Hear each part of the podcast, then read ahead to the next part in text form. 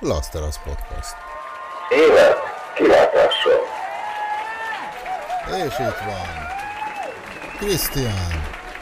Nem maradják ki, nem maradják ki. Ádám. Én olyan boldog vagyok, hogy hallak titeket. Jó, hát Gabriel. Én elvinném egy kicsit ilyen funkisra, de, én, de ez azért, mert én vagyok, de alva... És Peti. Ez már egy instant katasztrófa ez meg. De jó. De hát, ha érdekes lesz a műsor. És, és akkor maradhatsz fel. Már ömlik róla, de hallod, ömlik róla a víz. És egyszer még föl kell állni. Nem hiszem el, hogy ebben az életben még föl kell állnom innen.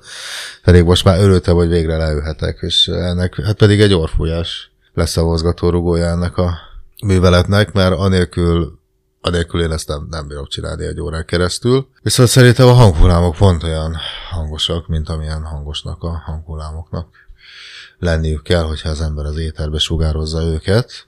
Feltéve, de meg nem engedve akkor, hogyha mondjuk egy Lasztaraz Podcast csatornáján működő beszélgetős műsort szeretne a nagy közönség elé tárni, melynek címe Élet kilátással.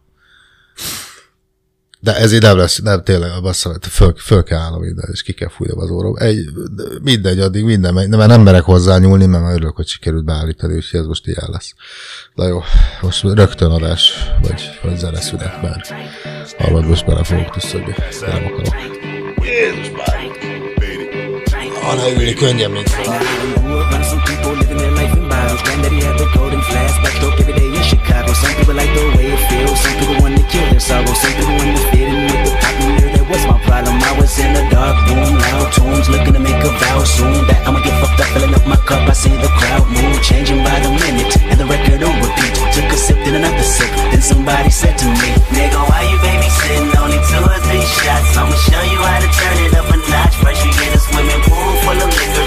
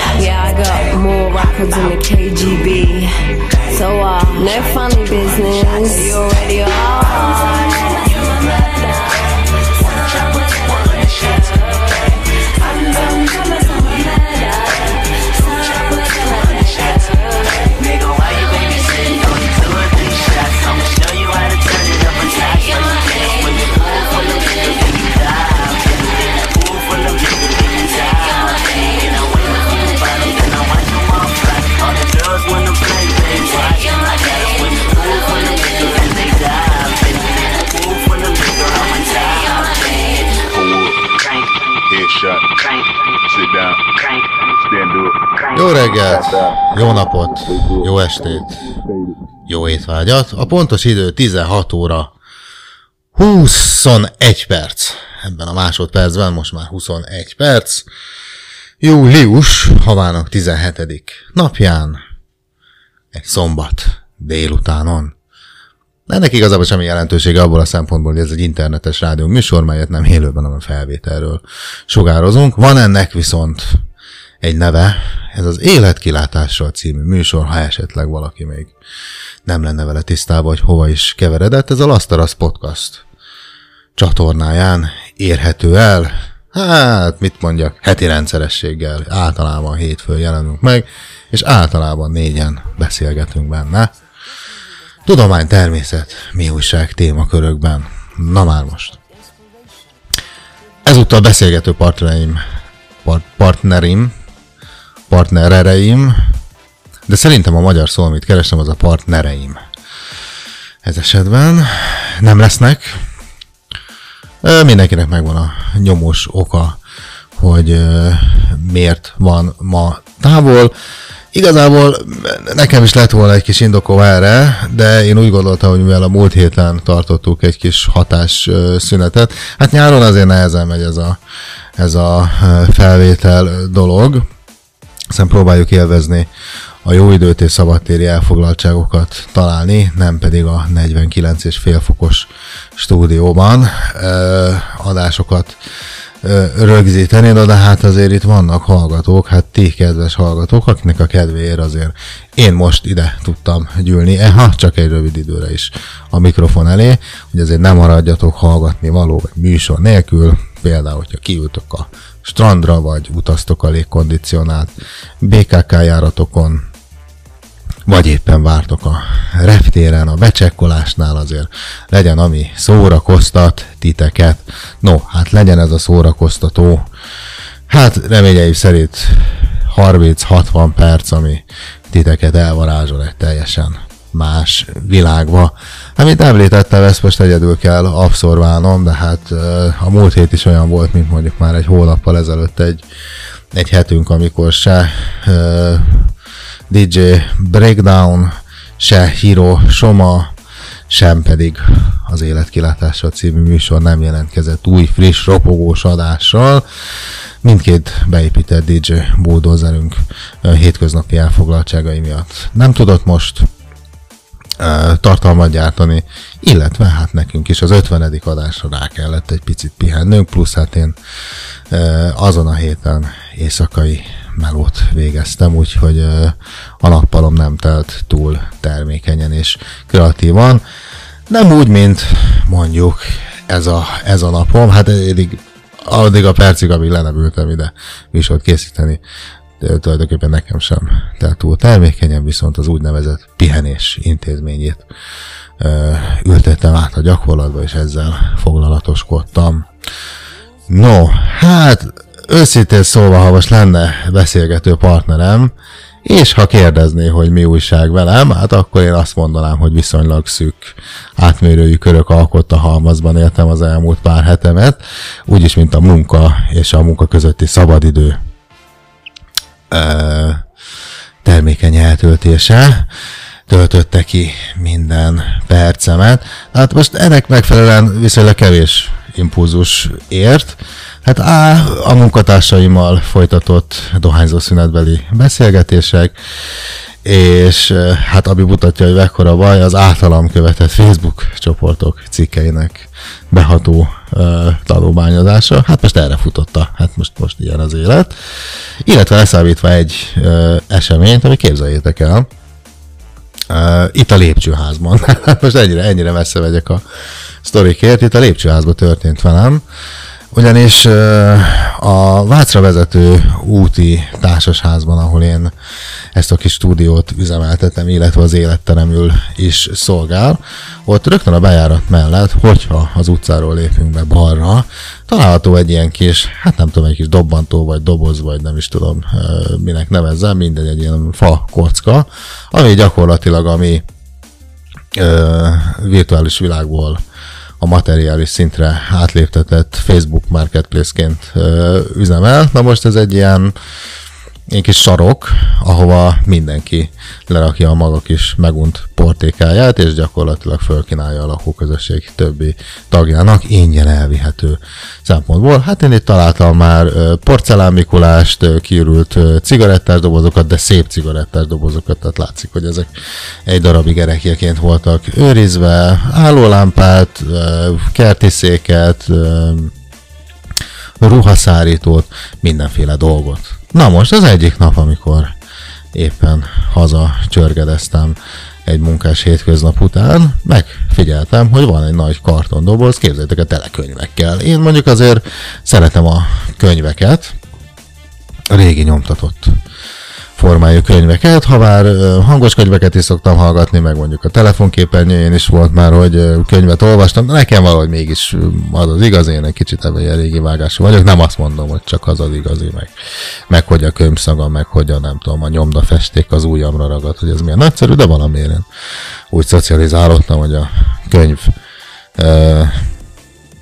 az egy, az egy jó dolog, mert maga a fizikai könyvet így kézbe fogni, valamilyen varázslatos értés, érzés tölti el olyankor a szívemet. Úgyhogy gondoltam is, hogy ha majd ez esetleg még egy-két nap múlva itt lesz, és egy kicsit több időm lesz, akkor majd uh, átnézem, hogy milyen könyv csemegéket tartogat ez a uh, hirtelen jött sorstól kapott lehetőség. Hát aztán igazából másnap se volt erre annyi időm, de már ugye szemem sarkából figyelgettem, hogy azért itt biztos vannak értékes könyv. Csemegék. De hát aztán mégis annyira nem foglalkoztam vele, majd harmadnap képzeljétek el, hogy hát emellett a, a könyves doboz mellett volt kirakva egy kuka, illetve hát van, ott van gyakorlatilag a kuka tárolunk, és hát mi is ilyen végtelenül környezettudatos házban élünk, ahol hát van a General Waste-nek dedikált kuka, van a műanyagnak dedikált kuka, illetve hát ott volt a papír, illetve kartonhulladéknak dedikált kuka, és hát mivel nem nagyon raboltak rá ezekre a antikhatású olvasmányokra. Ez valaki megfogta, és az egészet úgy, hogy volt, hát bele, belebúrta ebbe a kukába. Én meg nem tudom. Ránéztem, és valahogy a szívem szakadt meg. Tehát mondom, azért most mégsem a náci Németországban élünk, hogy itt könyvet égessünk, meg hát ilyen kulturális javakat csak úgy az enyészetnek adjunk át. Úgyhogy hát ekkor, ekkor vettem, bekapcsolt bennem a vészjelzés, mondom, hát azért, azért én megmentek, megpróbálok megmenteni egy-két szép kiadványt, hát ha van valami kedvemre való, és akkor ezzel a napi jó cselekedetet is le tudom, úgyhogy hát annak megfelelően vettem egy nagy levegőt, és gyakorlatilag derékig eltűntem a ö, papírszevetesben. Hát mondjuk tettem ezt bátran, mert hát feltételeztem, hogy azért kultúrát alakó közösség, és hát hála az égnek a végén bebizonyosodott igazam volt, és mondjuk nem szaros pelenkával, meg, meg almacsutkával volt el, hát valóban csak papír hulladékkal, tehát olyan nagy rizikót azért nem vállaltam, amikor erre adtam a fejemet, és hát mondjuk azért hazudék, ha azt mondanám, hogy nagyon a mélyére ástam, azért inkább, hogy a tetejét lapozgattam át, és találtam is három könyvet, ami nekem baromira tetszett. Az egyik, képzeljétek el, Kristó Gyula műve, ez a magyar história gondozásában, illetve sorozat keretein belül jelent meg. A gondolat kiadó adta ezt át a köztudatnak, és Csák Mátéról szól, Hát aki, akinek az életéről, mint kiderült, én bántóan keveset tudok, csak hogy nagyjából képbe kerüljünk. 1301-ben hunyt el harmadik András királyunk, az Árpád-ház utolsó férfi tagja, mint az köztudott. Uralkodása alatt szüntelenül harcot folytatott a nagyurakkal, e feudális oligarchák legjellegzetesebb képviselője Csák Máté, aki 1321-ben bekövetkezett halálakor szinte az egész észak-nyugat Magyarország ura volt. Na hát és az ő életéről van itt egy kis uh, rövid 200 oldalas áttekintés. Na most, de vannak benne képek is egyébként, tehát főleg térképek, hogy nagyjából a korabeli Magyarország területét el tudjuk képzelni, és úgy földrajzilag is össze tudjuk párosítani a könyvben írottakat, úgyhogy majd ennek a könyvélménynek fogom átadni magam valamikor, amint lesz egy kis szabadidőm. A másik a magyar művészetről szól, képzeljétek el. Az 1800-as évektől 1945-ig egy nagyon átfogó kiadvány. Ezt most így igazából fingom sincs, hogy kiírta, de mindjárt belelapozok, és akkor megmondom nektek. Hát ezt nem is kiírta, akik írták. Például Genton István, Német Lajos, Végvári Lajos, Zádor Anna. Szerkesztette is Zádor Anna. 1958-as kiadványról ö, beszélünk, és hát azért itt itt ez nagyon durva. Szerintem ez egy nagyon durva ö, könyv, festmények, versrészletek, képzőművészeti alkotások, mindenféle. Mindenféle van itt benne.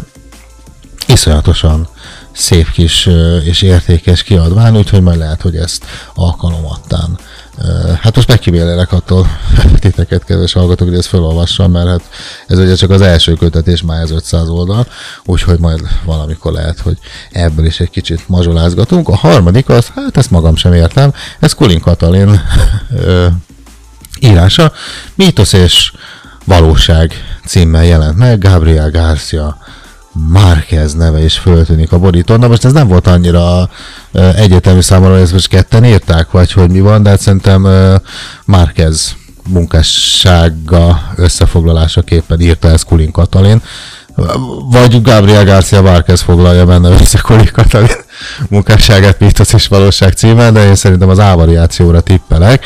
Ennek inkább a címe tetszett. Aztán aztán majd meglátjuk, hogy ö, mit ad ez a kis könyv nekem, úgyhogy képzeljétek, hát ilyen, ilyen nagy élmények értek engem a közelmúltba, tehát ingyen sikerült könyveket beszereznem, és megmentenem őket a biztos haláltól. Hát bár mondjuk jó ég tudja, hogy mi lett volna belőlük, mert hát ugye ez egy szelektív hulladék, szelektív hulladékgyűjtőnek a alján tanyázott ez a pár kiadvány, úgyhogy lehet, hogy jobb célt szolgált volna, bár én azt mondom, hogy Kulin Katalin művét kellett volna átadni az örökké valóságnak, csak úgy. No, hát, hát ezekről a könyvekről nagyjából ennyit igazából csak odottam, hogy elmesélem, hogy mik történnek az ember fiával, hogyha nyitva tartja a szemét, illetve hát már a lépcsőházban se vagyunk biztonságban, ott is bármikor ránk törhet a kultúra. No de, Uh, hát említettem, hogy honnan szerzek én mostanában impulzusokat, hogyha túljutok egyszer a saját lépcsőházamon. Múltkor a kollégáimmal beszélgettünk, ugye azt is említettem, hogy éjszakai műszakban voltam. Na hát most egy éjszakai műszakot azért úgy kell elképzelni, hogy hát azért, azért mindenkit egy picit megfog ez a extraordinary time-ban végzett munka dolog, tehát akkor dolgozol, amikor más alszik, meg ugye a szervezeted is úgy egyébként aludna. Nyilván ezt megpróbálod ellensúlyozni ezt a belső késztetést, hogy lecsukódjon a szemhéjad és durmolja egy jót, némi energiaital, koffeines tartalmú készítmények fogyasztása, illetve napközbeni alvás, ami hát én nem tudom ki néhány fok van mostanában. Nekem a, a lakás legárnyasabb részén van egy hőmérőm, a, úgyis, mint fürdőszoba, melyen nincs ablak, csak egy kis szellőző, tehát ott még jár is a levegő naptól. Elzárt helyen van ez, mert pont a lakás másik oldala.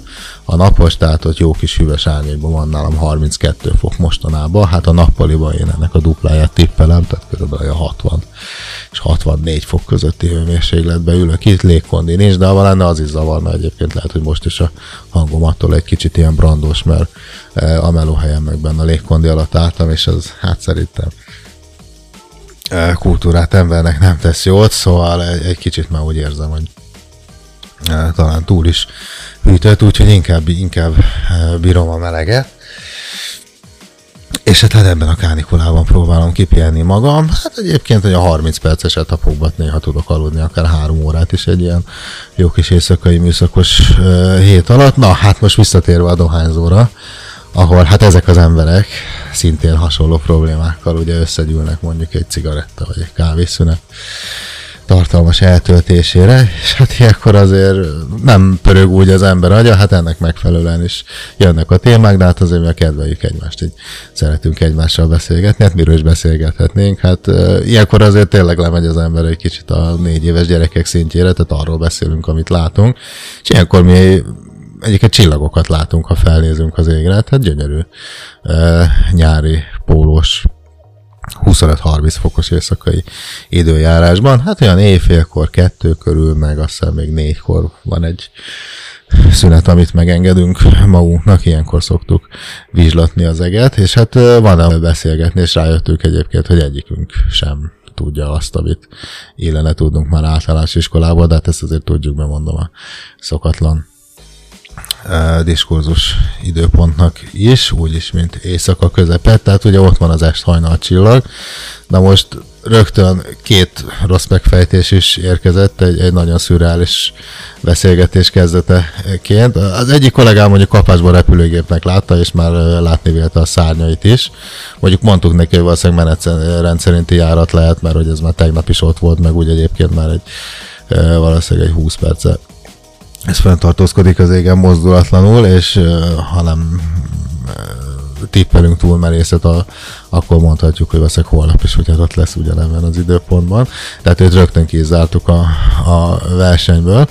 Aztán, hát nem jött a szánkra egyszerű az esthajnal csillag kifejezés, és ez folyamatosan sarkcsillagnak hívtuk, mert hogy ugye hát van ilyen, hogy sarkcsillag, a Polaris, ismertebb nevén, vagy kevésbé ismertebb nevén, na de hát az, az a kettő az nem ugyanaz. És egy élénk vita alakult ki, de mivel egyikünk sem volt benne biztos, hogy most miről is vitázunk, meg hogy egyáltalán mit keresünk ott, ahol vagyunk. Ezért ezt uh, nyilván nem vittük pengeire ezt a vitát, de, de egy kicsit el, elgondolkodtatott engem, hogy most akkor mi van, hogy est hajnal vagy sark csillag, hát nem, hát ez két különböző dolog teljesen nyilvánvalóan mindazt minden általános óvodás hallgatónk tudhatja. Mert hogy a sarkcsillag az a kismedve csillagképnek, mit tudom én, valamelyik ékes csillaga. És hát a, a, a, az esthajnal csillag meg csak nevében csillag, na hát és akkor majd innentől csavarunk egyet a történetem, mert hát hogy ez nem is csillag, az egy bolygó, az úgy is, az úgynevezett Vénusz bolygó.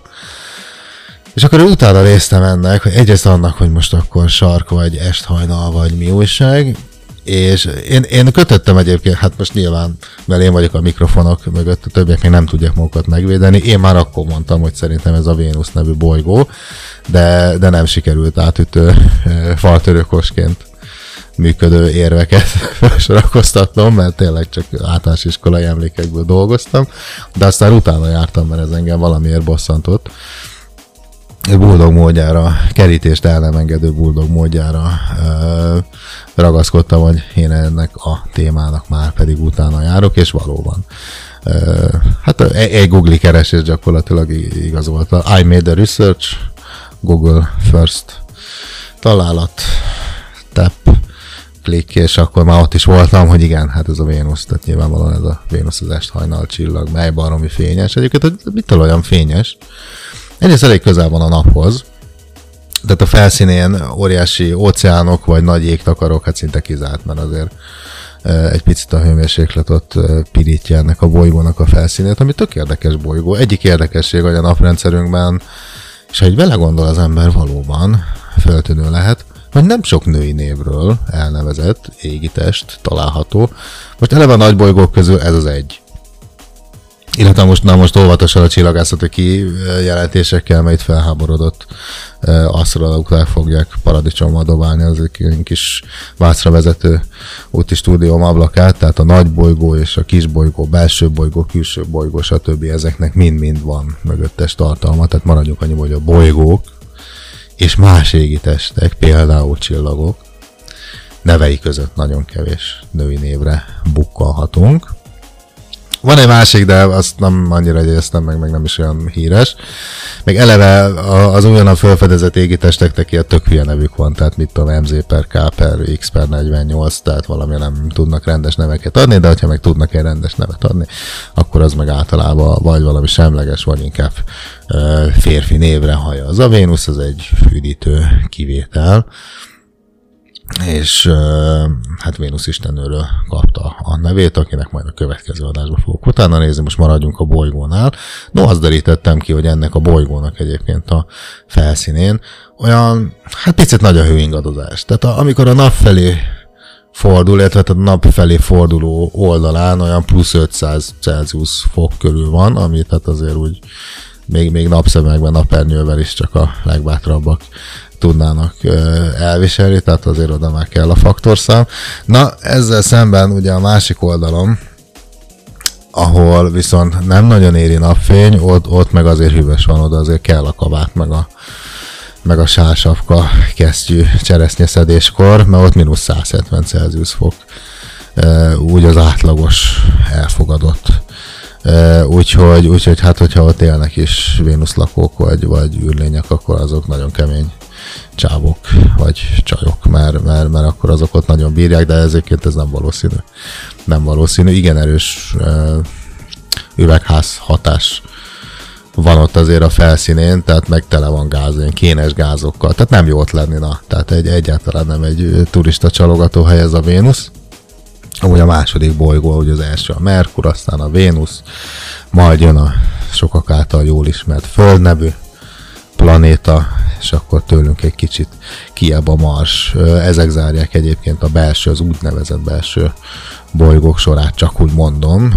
Mert vannak a külső bolygók, hát melynek sorrendjében én valószínűleg most bele fogok így bolondulni, hogyha el kéne mondanom, de hát akkor mondjuk van a Jupiter, a Saturnus, a Uranus és a Neptunus, hogyha csak kis bolygót, tehát ugye, ugye le lett minősítve úgy, hogy már nem 9, hanem csak 8 bolygó van. Hát a külső bolygókat meghagyjuk, tehát ott meg hideg van, nincs jó idő, meg csomó gáz, meg teljesen fölösleges ott bíbelődni velük. Na aztán meg felmerült bennem a kérdés, hogy est hajnal csillag, ugye nem van egy csillag, mert hát hogy annyi van belőle, mint csillag az égen, már mint csillagból és fénypontból, na de hogy mi, mi, igazából mi a különbség a csillag és a mi a különbség a csillag és a bolygó között. Hát ö, rengeteg különbség van közte, de a számomra is közérthető különbségek közül elsősorban az a szemetszúró, hogy a csillagoknak alapvetően ö, van saját fényük. Na most, hogy egy híres csillagot mondjak, ö, ott van például a nap. És a csillag a bolygókkal ellentétben nem változtatja a helyzetét. Tehát ugye egy bolygónak, hát mondom én, hogy ugye, tehát mint az köztudat, de egy bolygónak van pályája, keringési pályája, míg a csillagok azok fixen állnak, tehát azok nem igazán mennek sehova. Tehát ezért van az, hogy a nap, mint fényes csillag, ugye, hát mondjuk azt, hogy bár ugye a világűrben a föl, le, középen, jobbra-balra, sréjen át, meg a szembeszomszédnak nem nagyon vannak ö, értelmezhető tartományai, de most akkor a, egyszerű, a tár, e- egyszerűbb tárgyalhatóság érdekében mondjuk ezt így. Tehát mondjuk, hogy középen van a nap, akkor a, a nap az nem kering sem erre, tehát nem megy jobbra-balra, meg körkörös irányba, tehát az ott van középen. Hú, engem meg fognak kövezni a csillagaszok. Látszik, hogy én bölcsész vagyok, hát úgy is magyarázok. Ö, nem pedig ö, mérnök tudós. Tehát mondjuk a középen van a nap, akkor körülötte írnak le bizonyos ellipszis vagy körpályán ö, mozgási irányokat a különböző bolygók, míg a naphoz hasonlatos más csillagok, vagy egyéb csillagok, azok egy helyben állnak, és körülöttük keringenek más égi testek. Hát mondjuk a hold, vagy na most a például a hold az bolygó, az hát, na most ez egy fogós kérdés, de, de a holdnak sincs egyébként saját fénye, tehát akkor valószínűleg az is, bár ez, na jó, mindegy, ennyire, ennyi, nem, ebbe, ebbe kár volt belekezdenem. Tehát különböző égi testek vannak az égen, de a bolygó az, aminek nincsen saját fénye, az csak visszaveri más csillagok fényét, attól függően, hogy ö, na mindegy. Szóval az visszaveri a különböző fénye, rávetülő fényeket, míg a csillag az magából bocsátja ki a fényt. Egyébként érdekes, hogy maga a Vénusz az, a különböző mitológiákban, ha például csak egyet veszünk a kínai mitológiát, az egy ö, baromi szerencsétlen bolygó, vagy ők nem szeretik annyira a Vénuszt, mert ugye ez a egyik legfényesebb, vagy hát a Földről látható legfényesebb ö, bolygók egyike. Ugye ez öri vissza a legjobban a napnak a fényét, és ilyen nagy fehér foltnak látszik, mert még a, a nap előtt már három órával föl kell, és átlagosan a nap nyugta után vagy hogy van ezt, tudod, a nap kelte Ú, ebbe belevonyolottam, jó, hagyjuk ezt, ezt majd ki is fogom vágni. Tehát mindegy, lényeg az, hogy nagyon sokáig, tehát maga a Vénusz sokáig látható az égen, és egy nagyon fényes fehér folt. Viszont a fehér a kínai mitológiában a szerencsétlenség, a járványok, a háborúk, meg a minden rossz okozójának a színe, és, és maga a fehér, a, a yin és yang konstellációban, ugye hát ez a karika alakú középen valamilyen csepp alakba ketté választott kis halangzat, amit mindenki jól ismert, nem tudom most minek magyarázom ezt túl. Tehát ez a yin-yang jel, Ben a fehér az a szerencsétlen, tehát az a rosszat jelenti, és náluk a, a fekete jelenti a, a jót. Mert ugye úgy voltak, hogy fölnéztek az égre, és amikor már ment le a nap, akkor úgy, tehát eleve ez már az égen van, három órával naplemente előtt már az égen van a, a Vénusz, és úgy, úgy vélték, hogy ez, ez, ez a nagy fehérség, ez a fényes pont eszi meg a, a világosságot, meg megeszi a napot, és hogy ez a teljes sötétség, ez, ez, a, ez a Vénusznak köszönhető, úgyhogy ezért nagyon rossz, rossz jelnek tekintették a, az ősi kínaiak egyébként a Vénusz égre jövetelét. Hát ők minden nap azért beszálltak rendesen, mert azért viszonylag gyakran megtörténik ez a mai napig, hogy a Vénusz lehet látni, de hát ezt bízzuk a kínaiakra, hogy ők mitől félnek, mitől nem. Uh, illetve egy érdekes dolgot tudtam még meg a Vénuszról, ami tényleg uh, számomra egy teljesen új információ volt, be lehet, hogy ezt is általános óvoda során már uh, tanultuk a vízipók, csodapók és a nem tudom, kukori és kotkoda közötti szünetben, de ti például tudtátok, kedves hallgatók, hogy a Vénuszon egy vénuszi nap hossza sokkal hosszabb, mint egy vénuszi évé. Na, hagyok egy kis hatásszünetet, hogy ezt megemészünk. Tehát lényeg az, hogy ugye tehát a mi bolygónkon az úgynevezett Föld nevű planétán ez úgy működik, hogy 24 órát számolunk egy napnak, mert 24 óra alatt fordul meg a Föld a saját tengelye körül, és ugye egy év pedig az az idő, amíg a nap körül körbeérünk. Na most a Vénusz meg olyan lassan forog, azt hiszem 243 nap plusz-minusz, jó, oké, ezt most nézzük el nekem, de kb. valami, tehát mondjuk durván 240 nap, mire a saját tengelye körül megfordul, viszont, hát gondolom, mivel kisebb a pályája, vagy kisebb a tömege, vagy nem tudom, ezt uh, pontosan minek a számlájára lehet írni, viszont a nap körül sokkal gyorsabban, hát relatív azt hiszem egy 20 nap, tehát 220 nap alatt, viszont végig ér ezen a kis körpályán, tehát a napot sokkal előbb kerüli meg, mint hogy a saját tengelye körül megfordulna, tehát egy vénuszi nap ebből az okból kifolyólag sokkal hosszabb, mint egy vénuszi év. Na, hát nézzétek, hogyha én ennyi okosságot hallanék, akkor szükségem lenne egy kis szünetre, hogy ezt megemészem, úgyhogy szerintem az lesz most a móka, hogy egy zeneszünetre én elengedlek titeket, és utána még mivel mondtam, hogy ilyen Facebook csoportokat is olvasgattam mostanában, hát amit szerintem ti soha ne tegyetek gyerekek, legalábbis felügyelet nélkül soha, mert a Facebooknak nincsen semmi értelme, de hát most az én életem abba a fázisba ért, hogy gyakorlatilag ezen kívül más szórakozásom sajnos nem volt, úgyhogy ezzel nem próbálok is tenni. Viszont hát az ott leszűrt. Illetve hát az ott látottakból leszűrtem egy-két tanulságot, és azért elvétve, de tényleg elvétve lehet azért érdekes dolgokra is bukkanni, de hogy pontosan mikre, azt majd a rövid zene után árulom el, addig semmi pánik, mindjárt jövök.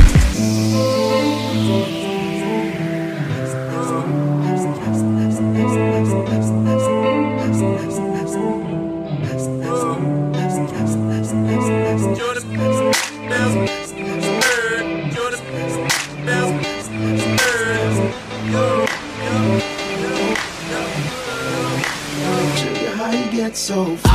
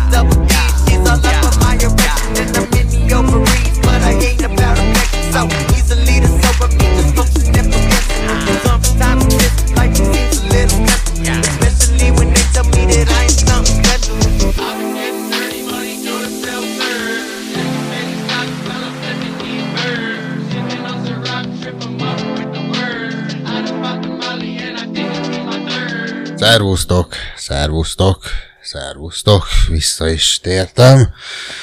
Tisztelem, tiszteletemet tettem kinn egy kicsit a, az erkélyet. Nagyon jó, de tényleg jó tett a szület, mert, mert itt bent 60 fok van, kint csak 40, úgyhogy teljesen fölfrissültem. Úgyhogy nem is fogom szerintem ezt az adást nagyon-nagyon bőlére ereszteni, mert hát ez kibírhatatlan így azért nagyon nehéz koncentrálni bármire is, na hát azért megígértem, hogy én fogok nektek végig beszélni erről, arról. Hát van egy-két olyan téma jegyzeteimbe tekintve, amit lehet, hogy majd a többiekkel együtt fogom megtárgyalni, hogyha a jövő hét folyamán ők is visszatérnek, mert vannak még itt azért érdekességek.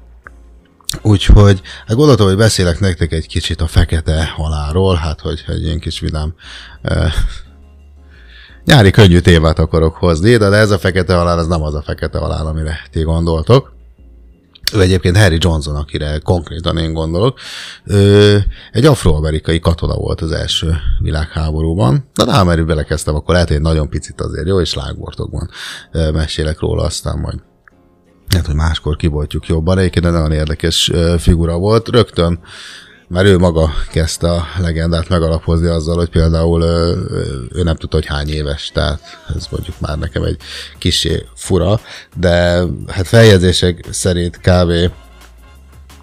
az 1890-es évek környékén született valamikor. Az általános iskolát elvégezte, de utána úgy gondolta, hogy majd a karrierjére koncentrál, ami nem volt más, mint a közeli bányában egy sofőri állás. Hát ott hozta, vitte a kedves munkás társakat.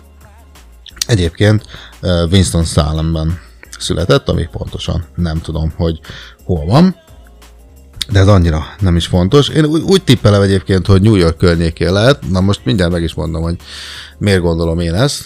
Uh, hát mondjuk megnézhetném egy egyszerű Google kereséssel, de hát most ez maradjon titok, vagy nézzétek meg ti, Winston Salem pontos földrajzi koordinátái. Na most, amikor ez a, ez a sofőrű meló már nem annyira feküdt neki, akkor egy más munka után nézett, vasútállomásra szegődött el, no de nem volna kereket kópálni, mint hát gondolom sokan gondoltátok, és hát fogom is alsam a nevetéstől, hogy én is erre az egyszerű viccre tudtam ilyen nagyon szépen asszociálni, de most ö, görgessük tovább a történet fonalát. Egyébként ott a podgyászokért felelős munkatárs volt.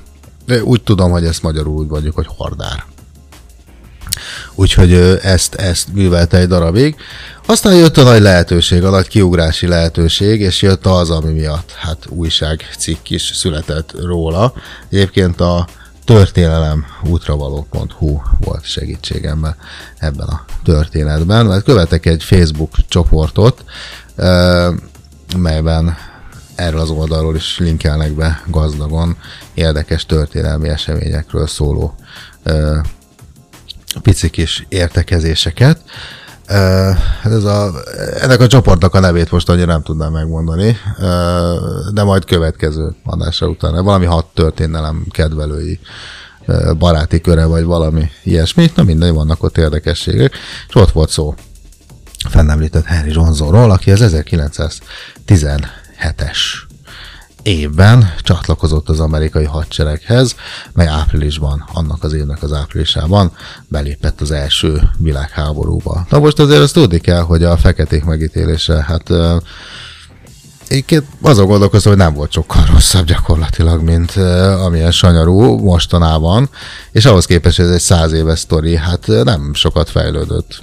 Uh, sajnos a, feketék megítélése még most sem, hát ezt mondjuk kinyíltan, ami hát számomra egy nagyon-nagyon szomorú és érthetetlen dolog, hogy száz év alatt nem tud fejlődni. Már oda a világ, hogyha meglátunk egy bőrük színétől különböző embert, akkor erre most miért kell mindig rácsodálkozni, meg előítéletekkel. Hát ugye ezt már Gergőben, műsorvezető társammal, mert sokszor mondtuk, hogy egy olyan országban éltünk közel tíz évet, ahol mondjuk ebből azért már nem nagyon csinálnak problémát, és azért ott az etnikai sokszínűség viszonylag elfogadott dolog, és, és hogy mondjam, azért én is dolgoztam olyan munkakörnyezetben, ahol mondjuk én voltam az egy- egyetlen fehér színű ember, és érdekes módon mondjuk ők visszafele nem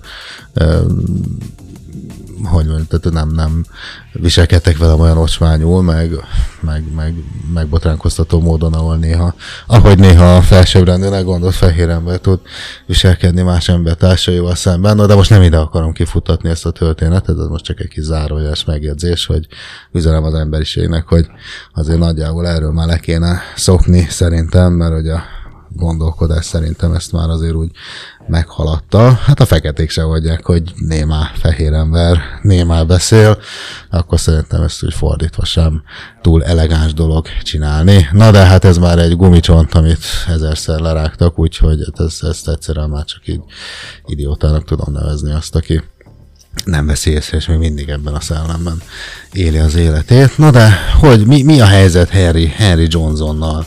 Na hát ő afroamerikaiként, uh, és ezt most azért emelem ki, mert a történet szempontjából van jelentősége a bőre színének, mert afroamerikaiként csatlakozott a hadsereghez, no de hát azért azt tudni kell, hogy a, a, az első világháború idején harcoló afroamerikai alakulatok azért nem örventek olyan nagy megbecsülésnek, de több függetlenül nem is ágyútölteléknek használták őket, tehát tulajdonképpen úgy hívták be őket katonának, hogy még csak nem is nagyon engedték harcolni őket, sőt, hát a legtöbb fehér ember, ja, mert hát hogy nekik külön zászlóaj volt, meg tehát teljesen elkülönítetten éltek, meg, meg külön gyalogezredben voltak, tehát hogy nem is nagyon vegyülhettek a fehér emberrel akkoriban.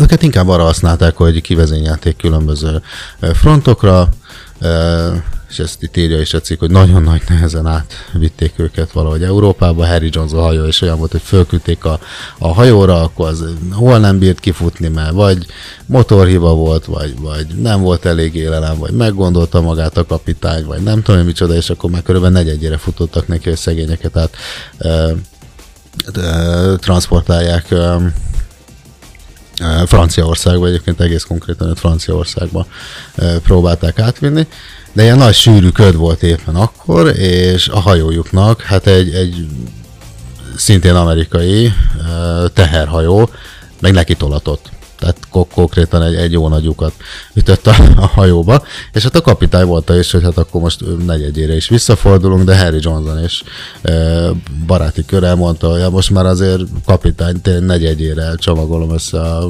májkrémes konzervet, meg, meg a tiszta alsót, most már azért így menjünk, majd menet közben megfoltozunk, és így is lett egyébként, mert bőven Johnsonék már akkor hatalmas tetványról tettek tanúbizonyságot, és menet közben megjavították a hajót, és végül átevickéltek a francia partokra, és akkor ott csatlakoztak a fronton ö, helytálló ö, európai és már ott állomásozó amerikai katonákhoz.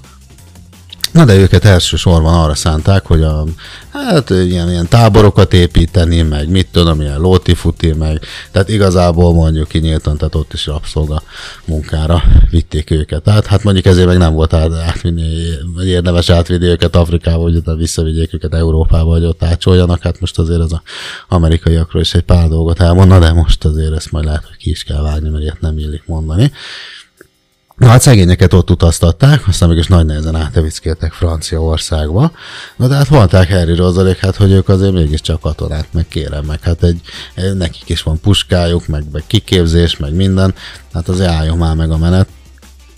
Legyen már ebből valami harc is, és akkor nagy nehezen mondták erre az amerikaiak, hogy na, no, no, no, no, gentlemen, we don't fight with black people, Ámbátor, van nekünk egy very good idea, ami pedig az lett, hogy akkor odaadunk titeket a franciáknak. Na most érdekes módon az akkori franciáknak semmiféle ellenvetésük nem volt az ellen, hogy e, színesbőrű kollégáikkal vált válnak vetve harcoljanak a e, ellenség ellen.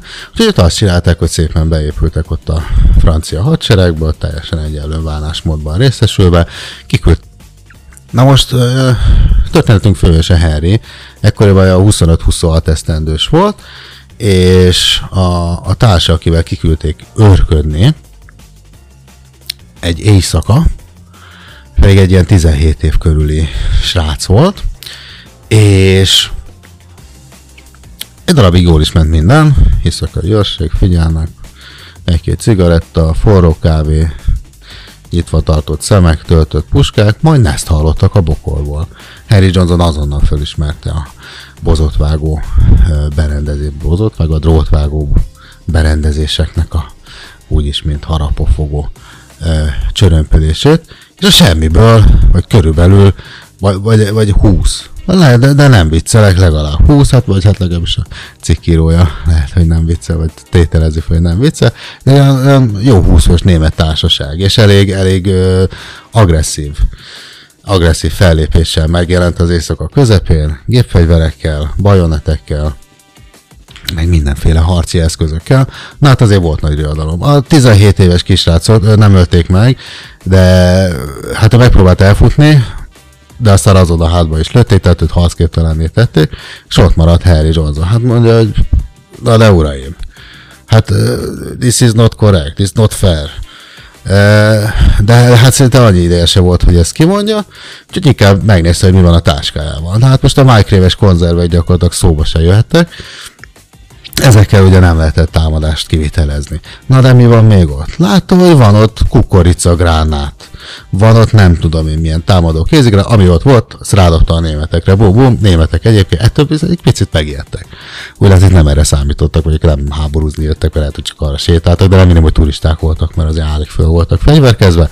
Na, Harry Johnson, ami gránát volt, beszórta, 20 társaságnak a fele az rögtön zuty, a másik tíz azért gondolta, hogy valamit, hát nézd meg, és ilyet még nem láttunk, hát ennek a, egyrészt nem erre számítottunk, itt úgy volt, hogy mi bejövünk 20 kicsit dörögtetünk, mondjuk, hogy aktunk, aktunk, és akkor mindenki hasra fekszik.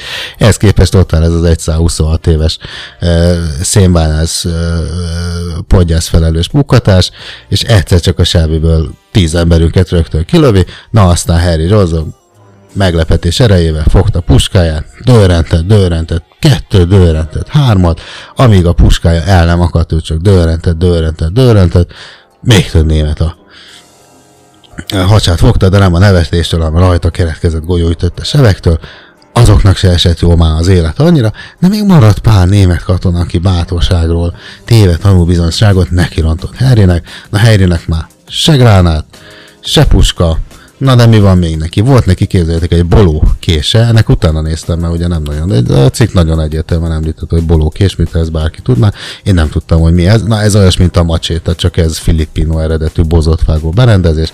Hát egy ilyen bazi nagy, mint a 38 centis pengével rendelkező már, már majdnem szamurájkard méretű kis ö, szalonnavágó egység. Na ezekkel neki rontott, ezekkel neki rontott a maradék német, ezek már alig voltak négyen, öten akit lehetett, azt ott kaszabolt, utána már kiesett a kés is a kezéből, de volt még nála a kiürült puskának a tusa, az a, addig verte őket, amíg az szét nem rongyolódott, és gyakorlatilag az, hát ilyen egy, egy-két német túlélő maradt csak, nem volt, aki csak megsérült, azért nem írtott ki mindenkit, de neki is volt szíve, tehát azért mégiscsak ő is csak ember, de hát lényeg az, hogy ezt a 20 fős német társaságot gyakorlatilag egyedül, hát jó, hát persze erre a puskaropogásra azért úgy e, fölébb lett a mögötte lévő hatás, tehát azért ők is úgy, úgy kijöttek egy kicsit a, a zajra megnézni, hogy most akkor ez így tűzi játék, vagy úgy mégis mit csinál ez a srácot. Egyedül, aztán látták, hogy, hogy ott e, hullanak a németek jobbra-balra, és akkor a túlerőtől az a maradék e, német legénység ez ma annyira megriadt, hogy ők vissza is szaladtak az erdőbe, ahonnan jöttek, úgyhogy Harry Johnson gyakorlatilag egymaga elintézett egy német rajtaütésnyi katonát, úgyhogy nagyon-nagyon hősies, és ezért amúgy kitüntette őt, a, hát egyrészt a francia hadsereg is, azt mindjárt megmondom, mert nem nagyon tudtam őszintén szóval megjegyezni, hogy milyennek a kitüntetésnek a neve, de most, hogyha így elmondom, hogy Croix de Guerre, amit hát teljesen biztos, hogy nem így kell kiejteni, igen, ez egyik legmagasabb francia katonai kitüntetés, amit meg lehet kapni, hát ezt rögtön oda is adták neki, illetve uh, hát Postomus uh, 1996-ban megkapta a Bíbor szív kitüntetést az amerikai Egyesült Államoktól, és 2015-ben pedig Barack Obama elnöktől a Medal of Honor azaz a becsületérmet kapta meg, hát ami a legmagasabb fokozatú kitüntetésnek számít az amerikai hadseregben, tehát azért 2015. június második ünnepségen Johnson ö, érmét egyébként a nevében Louis Wilson, akiről hát a cikkírója lebeblit semmit, tehát gondolom valami rokon vagy hozzátartozó, vagy nem tudom kicsoda lehetett. Ja nem, bocsánat, a, ő a, a New Yorki Nemzeti Gárda fő törzsőrmestere vette át. Hát és Obama szavait idézem, amikor azt mondom, hogy a legkevesebb, amit tehetünk, ha azt mondjuk, tudjuk ki vagy, tudjuk mit tettél, értünk, és ezért örökre hálásak leszünk. No hát ez eh, Harry Johnson, azaz becenevén a Fekete Halál története, akinek egyébként nagyon szomorú sorsa volt ezután, hiszen háborúban óriási hős volt, de hát ez alatt a kis csetepati alatt ő azért nem kevesebb, mint ó, azt hiszem 25 sérülést szedett össze, tehát egyébként annyira jó kondima, meg fitten nem tudott visszatérni már az életben leszerelése után rendkívül sanyarú körülmények között élt sajnos, és szívidom gyulladásban halt meg, és hát kisebb alkalmi munkákból tartotta fenn magát odáig is, és csak egy piciny rokkant nyugdíjat kapott. No hát, meg nem énekelt hősök egyike ő, de hát most én megénekeltem őt, úgyhogy minden tiszteletünk utólag is Harry Johnsoné, az afroamerikai első világháborús hősé. No. Hát azon gondolkozom, hogy azért már lassacskán, zenével mindennel együtt szerintem már egy óráskára rúg az adás, viszont egy valami azért még így bennem maradt, és lehet, hogy mégse a többiekkel fogom megtárgyalni, hanem mondjuk azt, hogy akkor ez volt a középső blokk, és akkor én megint egy pici zeneszünetre elengedlek titeket, és mert ezt nem bírom egyszerűen magamba tartani, ami most jön, ugyanis hát a, a rejtelmek szigete.com jó voltából úgy néz ki, hogy fény derült Csernobil. A Csernobili katasztrófa igazi okára, úgyhogy szerintem én ezt a cikket megosztom majd veletek, mert pokolján izgalmas, és hát ad egy kis adalékanyagot a Csernobillal kapcsolatban szerzett tudásunkhoz, és végre úgy néz ki, hogy kiderült mi, mi az igazság, úgyhogy szerintem emellett nem mehetünk el, és erre már nem érdemes még egy hetet várni, hogy kiderüljön, viszont a zeneszünetet azért még érdemes megvárni, úgyhogy semmi pánik, a harmadik, utolsó felvonással mindjárt jövök.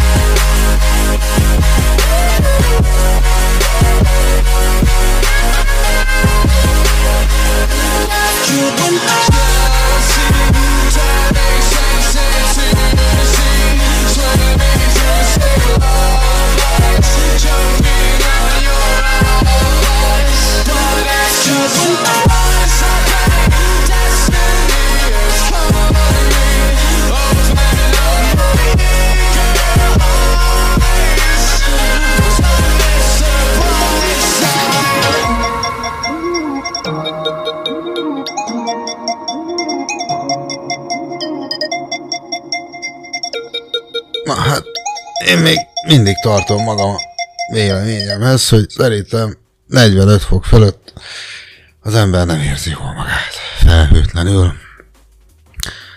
Na, de a közérzetem nem is, azért a szórakozásunk legyen felhőtlen, úgyhogy belevágunk itt az utolsó blogba, mit szóltok hozzá.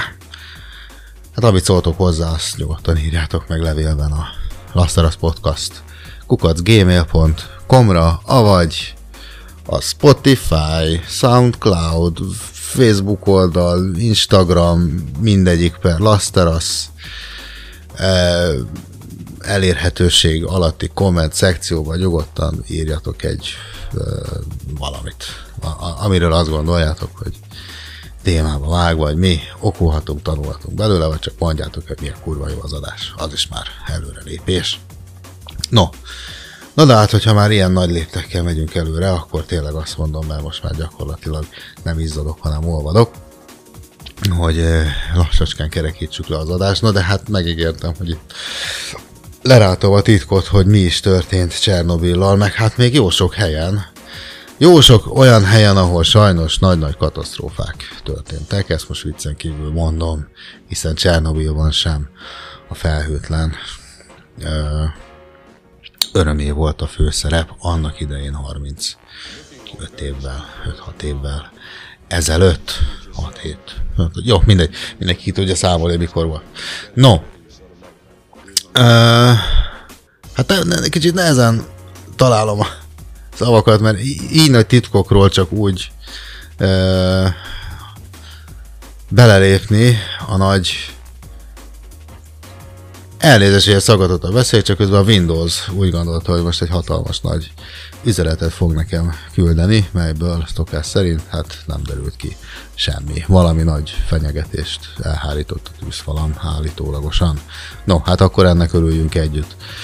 Meg annak is örüljünk együtt, hogy micsoda információim vannak nekem arról a rejtélyegszigete.com jó voltából, hogy mi történhetett Csernobil környékén. Na nézzük a cikk felütését. De, de, szerintem ez van olyan jó cikk, hogy én ezt úgy, ha nem is szó szerint, de Hát de, tudjátok mit, én ezt most elolvasom nektek. Le, nézzük a felütést, mert azért nem mindennapi. A mai embert látták a Csernobili katasztrófa előtt, máig tartja magát a legenda. Írja cikkünk szerzője. A mai napig tartja magát egy legenda, mely szerint néhány csernobili munkás a katasztrófa előtti napokban egy különös, szárnyas lényt figyelt meg Csernobil és Pripyat felett. A dolgozók beszámolói egy nagyjából 3 méter magas, de csak nagyjából lehet, hogy 1,70 volt, szőrös vagy tollas, ebben sincs közmegegyezés, teremtményről szóltak, hatalmas szárnyakkal és vörösen izzó szemekkel. Egymás között csak úgy nevezték, hogy Csernobil fekete madara. A kriptozoológiában jártas olvasók körében talán ismerős lehet ez a küllem. Na most mindenki tegye fel a kezét, aki a kriptozoológiában jártas, azért szerintem ez egy szűk keresztmetszete lehet a mi hallgatóságunknak is, meg szerintem a rejtélyek szigete olvasóinak is. No de, hát akinek mégis ismerős ez a küllem, az ugye azt jól tudja, hogy a szakirodalom, szakirodalom már évtizedek óta beszámol egy hasonló kinézetű egyedről, aki, vagy ami, nem más, mint a molyember. Hát akik mondjuk ezt tudják, azok meg ne olvassák tovább, vagy, vagy most nyugodtan ki lehet kapcsolni, a molyemberen kívül másról már nem lesz szó nagyon ebben az adásban. A molyemberhez kapcsolódó hiedelmek szerint a szárnyas lény felbukkanása mindig egy közelgő katasztrófát jelez előre. Mint az köztudott. Ez a vélekedés a Point Pleasantban történt tragédia óta a él a köz, köz na, hát ennek nekifutok. Na mindez a Point Pleasantben történt egy hatalmas katasztrófa, még 1967. december 15-én, amikor is összeomlott a helyi Silver Bridge híd, 46 áldozatot követelve. A molyembert a szerencsétlenség előtti hónapokban többször is látták a nyugat-virginiai város felett, illetve a híd közvetlen közelében. De például a 911-es történések előtt is akadtak olyanok, akik látni vélték a vészjósó lényt az Iker tornyok körül. Vagyok szerintem azért úgy 2001 környékén már volt egy-két köztéri kamera úgy szolgálatban, tehát akár ezt így meg is lehetne állapítani viszonylag könnyen. Na de nem ez történt.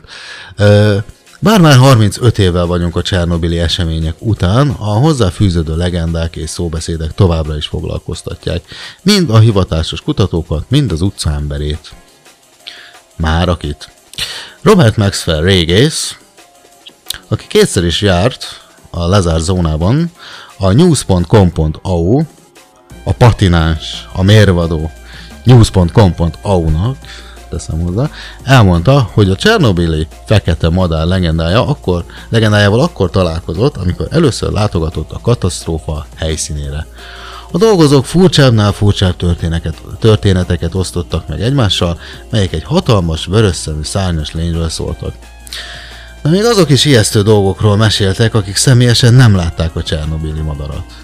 Mondjuk azok meg akkor hogy meséltek, vagy miről meséltek akkor, tehát azok végül azt meséltek, amit akartak, vagy amit a tévében láttak, vagy amit a kocsmában hallottak, na mindegy, tehát de hogy ez még az olyan borzasztó volt, hogy még az is, aki nem látta, még az is azt mesélte.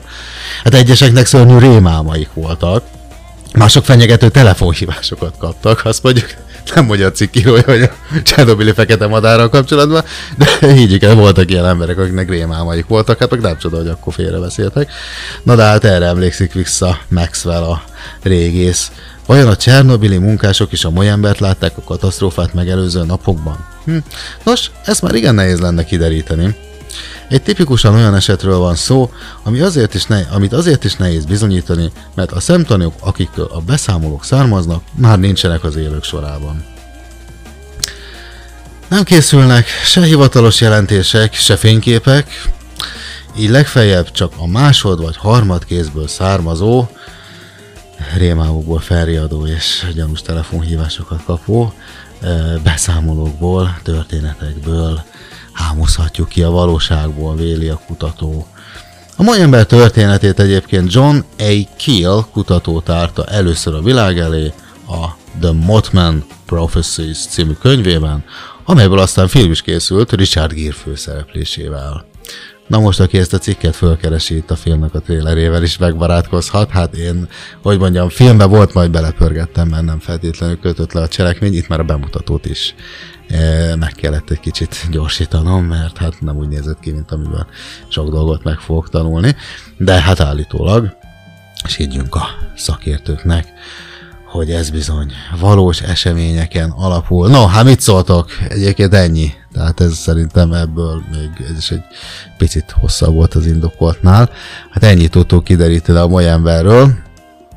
És én azt mondanám, hogy nem lenne ez egy jó rádióműsor, nem vonnánk le valamiféle tanulságot, úgyhogy szerintem, hogyha gyanús hívásokat kaptok, rémálomból ébredtek, és a molyembert látjátok eh, nagy hatalmas monumentális köztéri épületek, vagy atomerőművek ö, közelében, akkor mindenféleképpen ö, értesítsetek egy régészt, egy kutatót, vagy egy hollywoodi filmes tábot, vagy akár a tűzoltókat, mentőket, rendőrséget, vagy bárkinek, bárkit, akinek van szirénája. De én szerintem már a melegtől kezdek félrebeszélni, illetve ö, testem nagyjából kezdi elérni a forráspontot, úgyhogy én azt mondom, hogy ezt a mai adást ö, kerekítsük le. Bízunk benne, hogy Gergő, Ádám és Krisztián akár mindhárman, de legalább valamelyikük vissza tud térni és csatlakozni az Életkilátással című műsorhoz, és most már kimerem jelenteni biztosan, hogy Joe Breakdown, Hiroshima és a rejtélyes 85P is tiszteletét teszi a jövő műsor kínálatban. Én pedig szerintem nagyon megköszönöm nektek, hogy ezen a kánikulai nyári napon is velem tartottatok, vagy ezen a csendes decemberi délelőttön, mert hát ugye ez egy internetes rádióadás, melyet felvételről is bármikor bátran vissza lehet hallgatni. Úgyhogy én azt mondom, hogy a kikapcsolódás elősegítését én most részemről letudtam, a többit oldjátok meg most már az Életkilátása című műsor nélkül, de azért nagyon szépen köszönöm, hogy ezt a órácskát ránk, és azon belül rám szántátok, és ahogy szoktunk, most egy halk melódiával búcsúzunk el, és jövő héten pedig jövünk, addig is kitartás, műsítsétek magatokat. Sziasztok! I wanna love you